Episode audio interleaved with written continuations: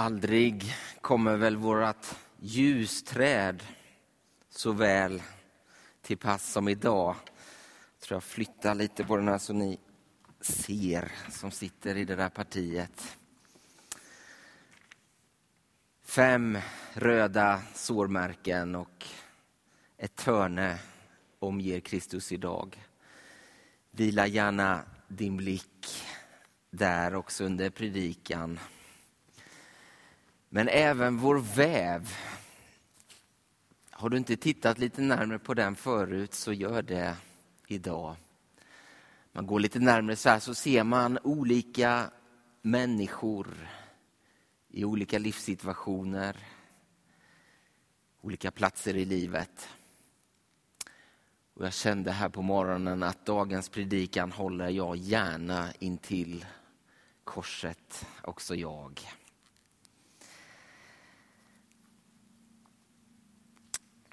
När Mose får ett märkligt möte med Gud själv. När Gud gör sig hörd genom en brinnande buske. Ja, då ber Mose Gud om ett namn. Vem ska jag hälsa ifrån när jag kommer tillbaka till mitt folk? Han får ett svar. Jag är den jag är. Säg dem att han som heter Jag är har sänt dig till dem. Jag är blev så Guds namnet Jahve på hebreiska. Ett namn som kom att betraktas som så heligt att det inte ens fick uttalas. Så när någon läste ur Torah, ur lagen, vårt gamla testamente, där Jahve är utskrivet, då fick läsaren välja någon slags synonym till den högste, den som sitter på tronen, Herren, konungen. Men ordet i sig fick man inte ta i sin mun. Denna Gud, den helige, fick man närma sig med stor vördnad. Och när man upprättar en tydligare plats för gudsmötet så blir det först ett tält, tabernaklet som man kunde föra med sig på sin vandring i öknen. Men efterhand också då templet, Israels tempel. Och allra längst in i detta tempel så finns det allra heligaste. Där förvarade man budorden, de som visade att Gud hade förmedlat sig till människan. Och det där omgärdades av en hel del symboler som ville förstärka detta med heligheten. Det allra heligaste, det var täckt med förhänget, ett tjockt tygstycke. Det var det vi läste om i Hebreerbrevstexten. Och innanför detta tygstycke fick bara överste prästen gå. Och inte hur som helst, utan en gång per år. Den utvalde inför Gud.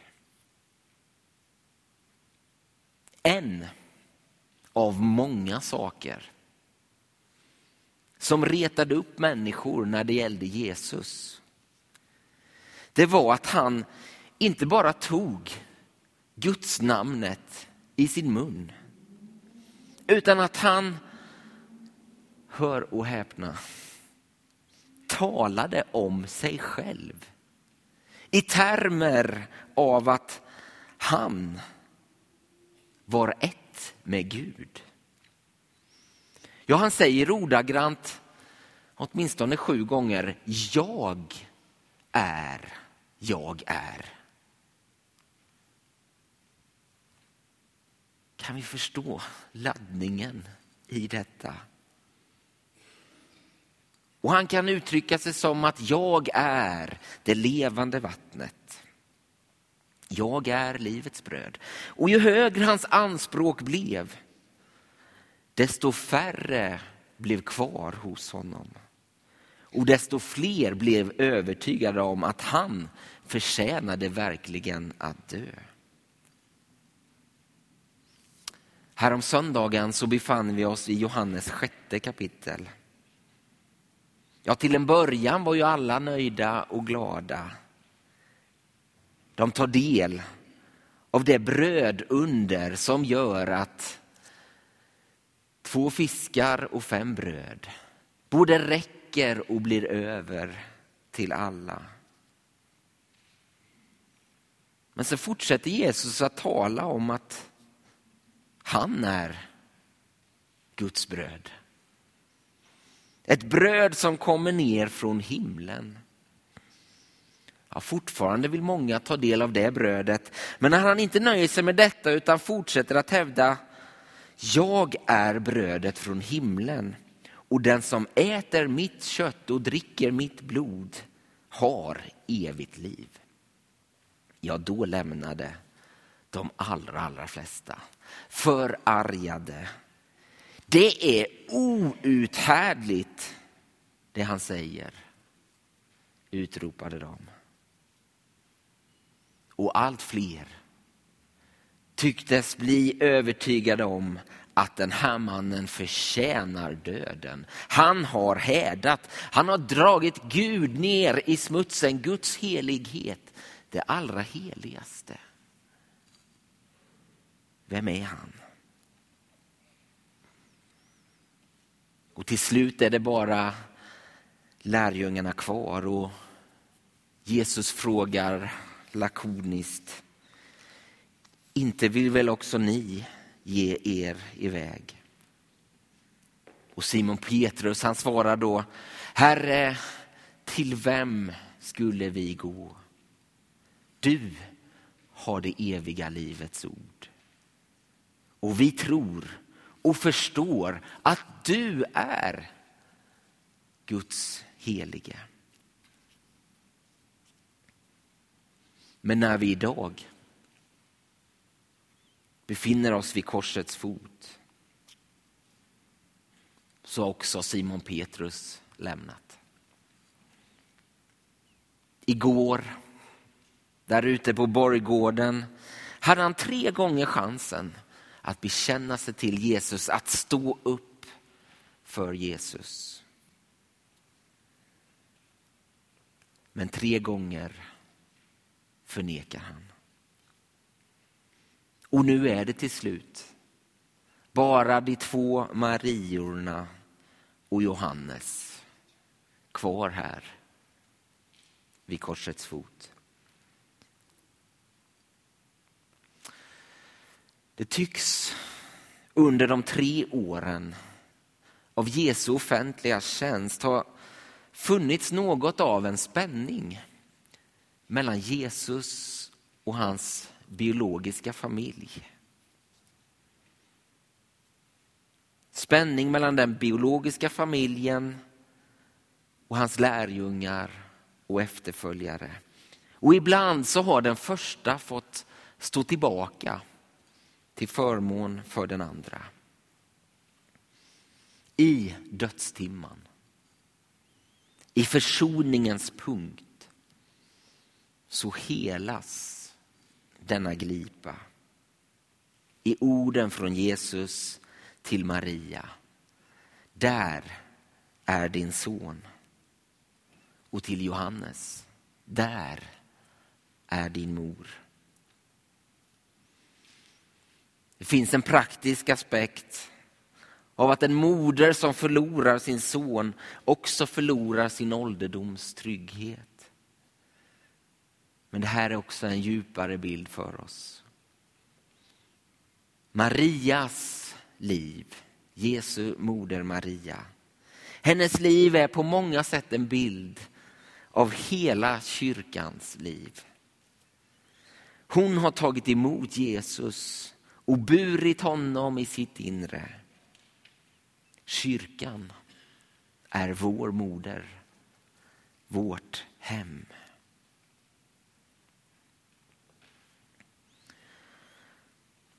Och så berättar Johannes i sitt evangelium att ur Jesus sida strömmar blod och vatten.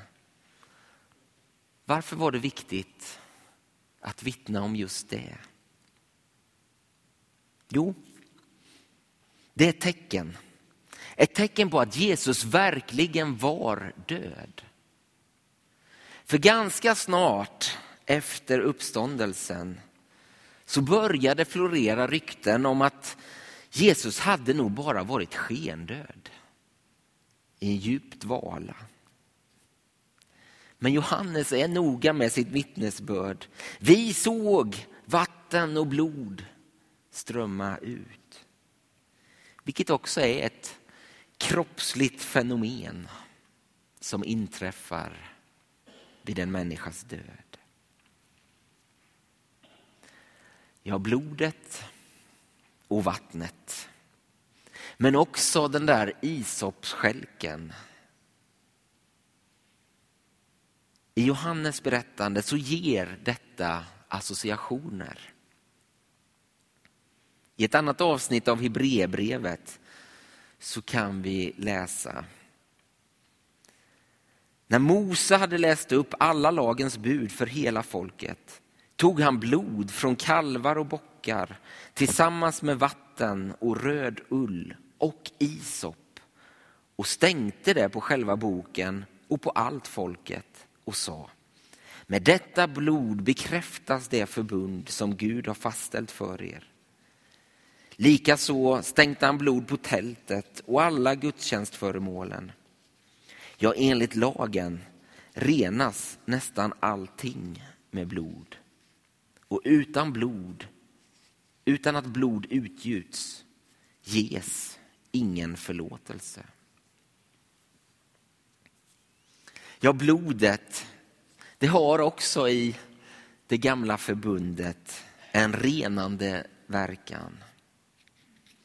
Och det är som offerlammet verkat av folkets rening.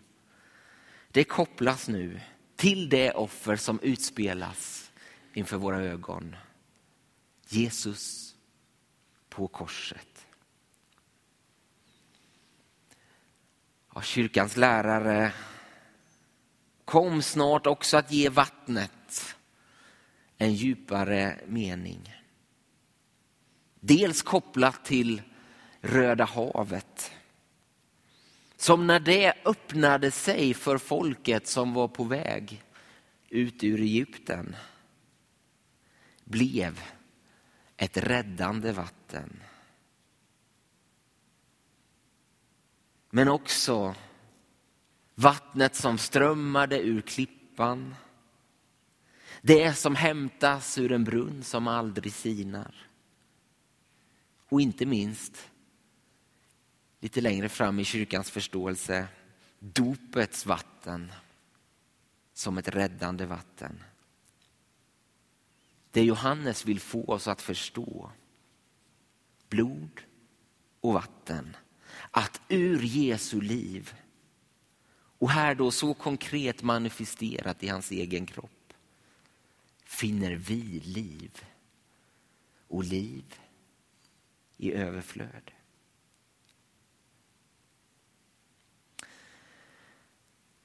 När Jesus så ger upp andan, även om det inte berättas av Johannes, så vet vi genom de andra evangelierna att då brister förhänget mitt i tu. Det som också finns invävt i bilden av den här väven partierna på ytterkanterna här, förhänget som har brustit mitt i tu. Genom Jesus. Finns nu inte längre någonting som skiljer oss från det allra heligaste, det som fanns där på andra sidan förhänget. Och vi blir i denna stund alla likt överste präster med fritt tillträde till det allra heligaste. Exakt hur? Vi ska förstå och tolka Jesu räddningsverk. Genom det som händer på korset. Ja, det är delvis något som kyrkan och teologerna fortfarande inte riktigt är ense om. Men detta kan vi vara helt överens om. Jesus öppnar i denna stund vägen till det allra heligaste. I Jesus möts himmel och jord. Och allting på jorden blir förändrat. Och allting i himlen blir förändrat.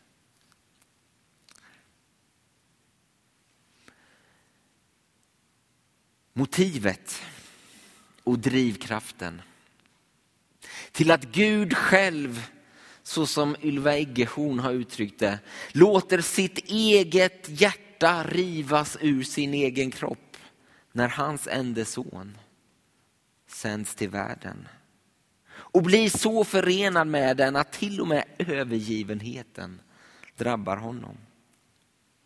Ja, det är ytterst en kärlekshandling. Grundaren av missionsförbundet som vår församling är sprunget ur. Paul Petter Waldenström. Han vände sig mot föreställningen om att det är Guds vrede som måste blidgas genom Jesu offer. Nej, vad han hjälpte oss att se det är att Gud är rakt igenom kärlek. Han är den som blivit sviken, bedragen. Men Guds reaktion har inte med juridisk rättvisa att göra utan om hängiven kärlek. Han gör allt för att vinna människans kärlek tillbaka. Han lockar och han hoppas. Men han tvingar sig aldrig på. Och så, som den yttersta gåvan till den värld som vänt honom ryggen så tar han udden av människans allra svåraste existentiella fråga. Rädslan för döden. När Jesus denna dag dör på korset och stiger ned i dödsriket, då går han till rätta med själva roten till döden. Inte bara dess symptom och konsekvenser. Ja, mycket om människans revolt mot Gud. Det är nog i själva verket riktat mot en karikatyr av Gud. En Gud som bara skulle vara ute efter att döma. En Gud som väntar på varje tillfälle att straffa. Ja, en sådan Gud kan man ju bara frukta eller förakta. Men en Gud som hänger värnlös på ett kors och som med sina utsträckta armar i en världsvid omfamning försöker förena alla människor med sig och med varandra. En Gud som är kärlek, som är medlidande. Det är den guden som kan låta förhänget rämna också till våra hjärtan. Om vi låter det ske.